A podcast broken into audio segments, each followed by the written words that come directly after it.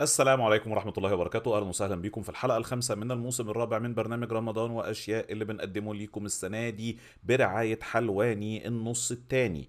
آه شوية مقدمات معتادة منهم مقدماية مش معتادة. خليني أبتدي بالمقدماية المش معتادة وهي إن الن- النهاردة هنتكلم عن مسلسل ليالينا 80 من الحلقة واحد للحلقة 8 الحلقة دي يمكن أول حلقة بنطلعها نسبيا متأخر في اليوم فاحتمال كبير عدد كبير من حضراتكم يشوفها بعد ما يكون شاف الحلقة التاسعة من مسلسل ليالينا لو متابع المسلسل. فأولا إحنا بنتكلم بحرية حرق في الأحداث. لو حد ما شافش لغاية الحلقة الثامنة أفضل يقفل الحلقة دي دلوقتي ويبقى يرجع لها لما يشوف اللي فاتوا. ولو حد شاف الحلقة التاسعة عداني يعني يحط في حسبانه إن الحلقة دي مش واضعة أو مش حاطة في الاعتبار أحداث الحلقة التاسعة من مسلسل ليالينا 80 المناقشة بتاعتنا بشكل خطاب حر كده من غير سكريبت وبنتقابل كل يوم في البث بتاعنا على نيمو بالليل الساعة 11 تقريبا لو حد حابب ينضم لنا يتناقش معايا في المراجعة مرحب بيه تماما أهلا وسهلا بيه وأخيرا اشتركوا في القناة ما تنسوش لأن مع النص التاني من رمضان إن شاء الله حلواني النص التاني هيقدم عدد من المفاجآت وعدد من الهدايا عشان يكون عند حضراتكم فرصة إن أنتوا تفوزوا بيها. مسلسل ليالينا زي ما قلنا كده هنتكلم لغاية الحلقة الثامنه من بطولة إياد نصار، صابرين غادة عادل وخالد الصاوي. سيناريو أو تأليف أحمد عبد الفتاح وإخراج أحمد صالح. المسلسل بتاعنا مسلسل اجتماعي بيدور في بداية الثمانينات والأحداث بتاعتنا بتنطلق بعد. بعد حادثة اغتيال السادات وبتركز على أسرتين بمنافعهم. يعني عندنا عائلتين بالطراطيش اللي حواليهم. فيهم عائلة تعتبر اقتصاديا من الطبقة المتوسطة. الأبطال بتوعها بالنسبة لنا إحنا هم إياد نصار في دور هشام وغادة عادل مراته في دور مريم. بيعانوا من فتور في علاقتهم بعد عودة الزوج من الخليج. وأخوه هو خالد الصاوي بيعاني من تهيؤات ومن آه، بعض الهذيان الخاصة بمراته المتوفية. العائلة الأخرى هي العائلة اللي بتتزعمها صابرين والمكونة من مش عارف 45 بنت تقريبا عندها عدد كبير من البنات مش عارف أربعة أر- أو خمسة مش ثلاثة يا ثلاثة يا أربعة يا خمسة. ودي من مشاكل المسلسل يعني اللي هنتكلم عنها. وولد اللي هو راضي بالإضافة لبعض جيرانهم وقرايبهم في الحارة وكلام زي ده. والعائلتين دول بيصطدموا ببعض من خلال حادثة آه لأن راضي ده بيشتغل سواق تاكسي وفي يوم من الأيام كان بيقل بنت آه هشام ومريم وبيعمل حادثة والاتنين بيروحوا المستشفى راضي بتنتج الحادثة ليه بأنه بيتم بتر رجله والبنت بتفقد بصرها. حاجة في منتهى السعادة فالمهم بعد حادثة التصادم ما بين العائلتين دول وتداخلهم مع بعض يا ترى إيه اللي هيحصل؟ الحقيقة ولا حاجة هتحصل بس ده موضوع عايزين نتكلم فيه كمان شوية صغيرة خلينا نبتدي بس بتصنيف المسلسل. المسلسل اجتماعي بيدور في حقبة زمنية قديمة شوية فأنا عارف إن لفظ تاريخي ده دايما بيجيب مع الناس انطباع إن لازم الناس تبقى لابسة عمة وحاجات بالطريقة دي. لا إحنا لو رجعنا في التاريخ لورا شوية وإحنا بنتكلم في work of fiction عمل خيالي عمل عن أحداث غير حقيقية فينفع نقول عليه مسلسل مجازا يعني تاريخي. ف معلش ما بتعديش شوية. خلينا نقول مسلسل اجتماعي بيدور في حقبة الثمانينات وبيرصد المفروض تغيرات المجتمع والحاجات الكتيره اللي عاملة الكلام ده ولو إن تركيزه تركيز اجتماعي خالص حتى الآن. فكرة مؤثرات الحقبة الزمنية على الأحداث اللي بتدور معانا زي ما نتج عن حوار دار ما بيني امبارح وما بين أحد الأصدقاء على تويتر مش باينة قوي ولكنها في تقديري الشخصي غير مثيرة للانتقاد وده لأن في حاجات تانية مثيرة للانتقاد أكتر.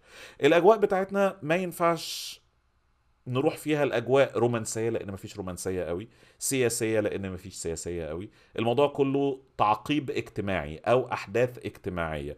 بدأت بشكل كويس وإن كان حزين جدا جدا جدا. أول كام مسلسل أول كام حلقة من ليالينا يقطعوا الشرايين يعني كمية حزن وكم وكمية صدمات. يعني كل المسلسلات الأخرى تقريبا حدث فيها مش كلها ولا حاجة بس عدد كبير من المسلسلات الأخرى ما بتكلمش على الخمسة اللي بشوفهم. بس حوادث وفاة أطلقت أحداث حوادث مأساوية أطلقت أحداث ولكن ما فيش حاجة بمأساة عائلتين ظهورهم اللي هم شبابهم اللي بيعتمدوا عليهم واحد يفقد رجله والتانية تفقد بصرها. اللي هو نظام حاجة في منتهى القسوة اللي في الدنيا بالسواد اللي حوالين الموضوع بشقة بتولع براجل اتجنن أو راجل سوري جاله حالة من حالات التهيؤات والأمور اللي بتحصل دي كلها مآسي ما بعدها مآسي في أول كام حلقة ولكن في تقديري كانت بتاعت بحاجات كتير كويسة وخصوصا فكرة التصادم ما بين العيلتين. عشان كده لما كان حد بيسألني عن المسلسل كنت بقول دايما إن حادثة العربية دي حاجة مهمة قوي حاجة كده نبتدي نفكر فيها زي ما بنفكر في فيلم كراش زي فيلم بابل الحادثة الصغيرة اللي بتطلق وراها موجات وموجات من الأحداث والتوابع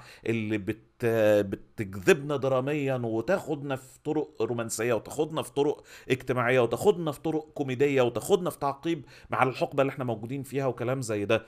ولكن اللي حصل بعد كده إن الأحداث ابتدت تتباطأ تتباطأ تتباطأ لحد ما وقفت.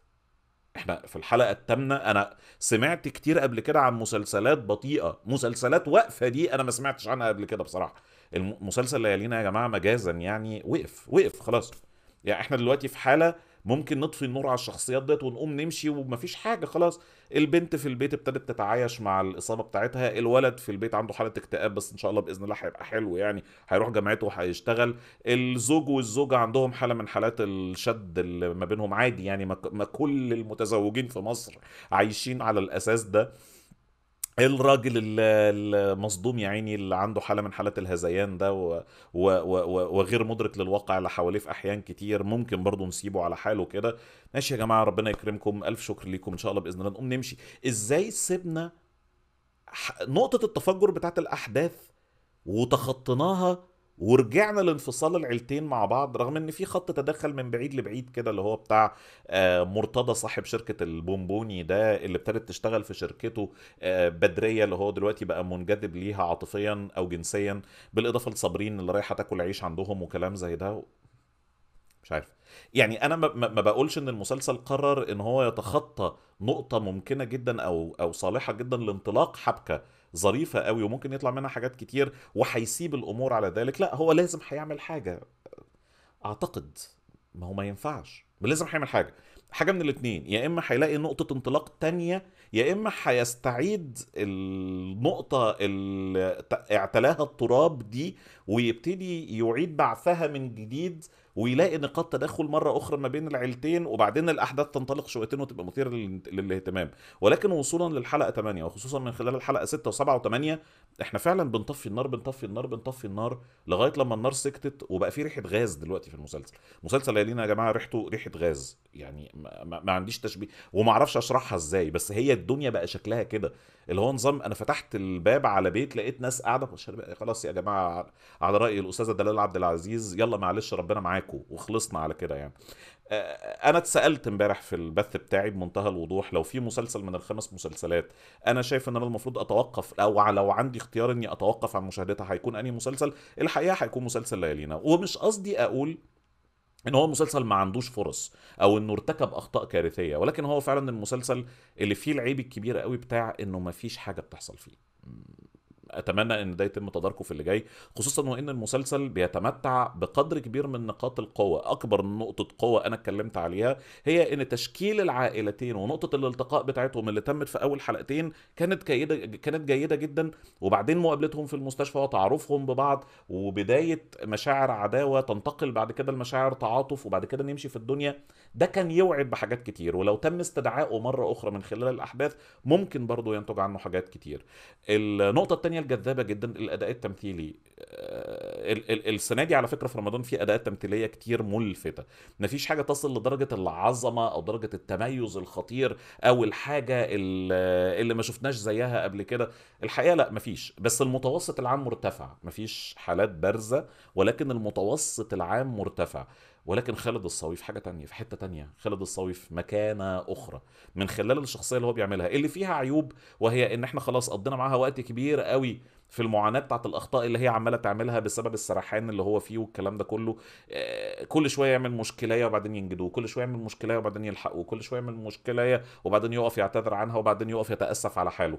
لو ده حصل أربع أو خمس مرات في ظرف ثمان حلقات فده في تقديري الشخصي كتير شوية. ولكن اداء اداؤه التمثيلي صحبته على الشاشة بعيدا عن أبعاد شخصيته شيء عظيم. ولو إنه في البداية كان عنده مشكلة في صوته. أنا أعتقد إن خالد الصاوي وزنه زاد شوية. معرفش ده إذا كان معمول للدور مخصوص ولا هو عموما وزنه زاد. ده أثر شوية على وضوح ألفاظه. ولكن يمكن ده برضه في البداية في الفترة اللي كان عنده فيها مشاكل أو بيعاني فيها من الأثار العقلية اللي اللي, اللي بتشكل له مشكلة. يمكن في الكام حلقة الأخيرتين لا الكام حلقة الأخيرة لا الدنيا بقت واضحة وخلاص. أنا بقيت سامع كويس. أنا كنت خايف بس نخش في خناقة تانية بسبب الموضوع ده. إياد نصار شخصيته ليها بعض. اللزمات لو ينفع نقول الحركية واللفظية المثيرة جدا للاهتمام واللي هو بي بيعمل بيها حاجات كويسة. طريقته في النرفزة مثيرة جدا للاهتمام. الراجل ده بيفقد أعصابه في ثانية وبيتنرفز بشكل عجيب. أنا ما شفتوش قبل كده. يعني أعتقد إن هو رسمها بشكل حلو. نفس الموضوع إن هو حركيا كلمزي زي ما بيقول. بيخبط راسه في باب بيخبط راسه في معرفش مين بيتشنكل في معرفش إيه بيتوتر وهو بيدور على حاجته. حلو. هو لو هو اللي ابتكر الحاجات دي يبقى ممتاز لو المخرج هو اللي اقترح الحاجات دي وهو تبناها بشكل كويس يبقى الاتنين ممتازين.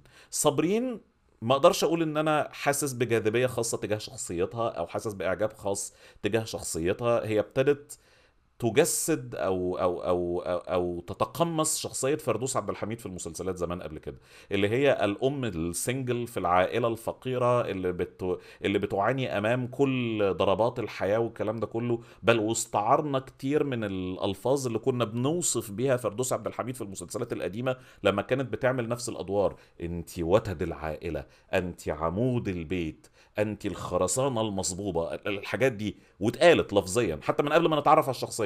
يعني زمان في المسلسلات بتاعت فردوس عبد الحميد لما كانت بتطلع الأم في العائلة الفقيرة اللي بتحافظ على ثبات العائلة والكلام ده كله كنا بنبتدي نديها الألفاظ دي بعد ما نخش في الحلقة العاشرة وال15 اللي هي نظام هي دللت على ده عمليا. في ليالينا لا. بصوا يا جماعة دي صابرين دي الوتد. وبعدين تعالوا بقى نتعرف عليها ونشوف هي بتعمل إيه والكلام ده كله. غادة عادل للأسف محصورة في أكتر شخصية مزعجة في رمضان كله. آه، الشخصية الناقمة هي هي الزوجة التمانيناتي بصراحة يعني بقى خلونا نكون واقعيين في الحتة دي هي الشخصية مش منفصلة عن الواقع ولكنها تظل مزعجة جدا جدا جدا جدا إلى أبعد درجة. يمكن بتنافس عبير من مسلسل آه، البرنس ولو إن عبير شخصية شريرة فده مفهوم لكن مريم لا.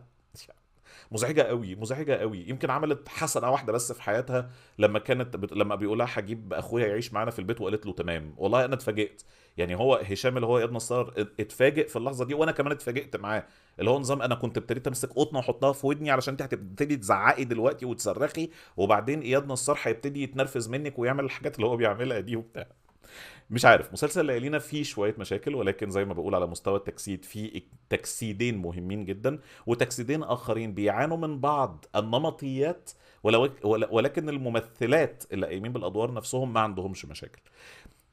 أكتر الحاجات البارزة بالنسبة لي أنا في مسلسل ليالينا على المستوى التقني هي ال production design زي ما بقول. الشغل اللي معمول على مستوى الديكور على مستوى الملابس على مستوى تسريحة الشعر ولو إن اللقطات ال flashbacks اللي بتتجاب فيها بعض الاختيارات في تسريحات الشعر تهلك من الضحك منها الباروكة بتاعت خالد الصاوي. عجيبة عجيبة يعني. الملابس التصميم الداخلي والتصميم الخارجي اختيار قطع الأثاث وبالتحديد في البيوت ودي أكتر حاجة عجباني جدا. شقة مرتضى يا جماعة شقة مرتضى شقة تمانيناتي اللي عاملها. برافو برافو برافو. فعلا أنا أنا بقول أفضل production design السنة دي. ولو إن السنة دي في مسلسلات كتير بتتنافس على النقطة دي. نقطة اختيار الديكور اختيار الألوان بعيدا عن التلوين أنا بتكلم على اختيار الحاجات اللي بتتم نفسها. هايلة حقيقي ممتازة جدا. ولو إن ولو إن بمنتهى الأمانة دي مش من العناصر اللي هتخليك عاوز تتفرج على المسلسل كل يوم. ما حدش بيبقى بيتابع مسلسل وبيرجع له كل يوم عشان يتفرج على ال production design إحنا عاوزين نتفرج على أحداث. ال production design قدرناه من بعض الحاجات وقلنا برافو وخلصنا بقى خلاص. يمكن صحبة خالد الصاوي وصحبة إياد نصار هي اللي مخلينا متمسكين بالموضوع لغاية دلوقتي وبنفضل نرجع له. بس المسلسل محتاج محتاج يستعيد الطاقة محتاج يشرب خمس ست كنات ريد بول محتاج مش عارف. يعني عندنا حاجة كويسة قوي اتزرعت في الأحداث لازم يتم حصادها. إنها تتساب تموت ده في رأيي مأساة على دراما واعدة ممكن تبقى أحسن من كده بكتير قوي. دي انطباعاتي وده رأيي. أتمنى تشاركوا معايا انطباعاتكم ورأيكم وأتمنى وأنتم بتشوفوا الحلقة دي تكونوا شفتوا الحلقة التاسعة وتكون الحلقة التاسعة حسنت الدنيا أكتر بكتير مما أنا أتحدث. وبناء عليه الفيديو بتاعي يفضل يبقى وحش ويبقى مش دقيق بس إن شاء الله برضه هتعملوا له like وهتعملوا له share عشان أنتم بتحبوني. يا ريت تعملوا share و like للحلقة. لو عجبتكم اشتركوا في القناة وشغلوا جرس التنبيهات عشان تجيلكم الحلقات أول بأول. تابعوني على فيسبوك تويتر ونيمو وبوديو و bye bye.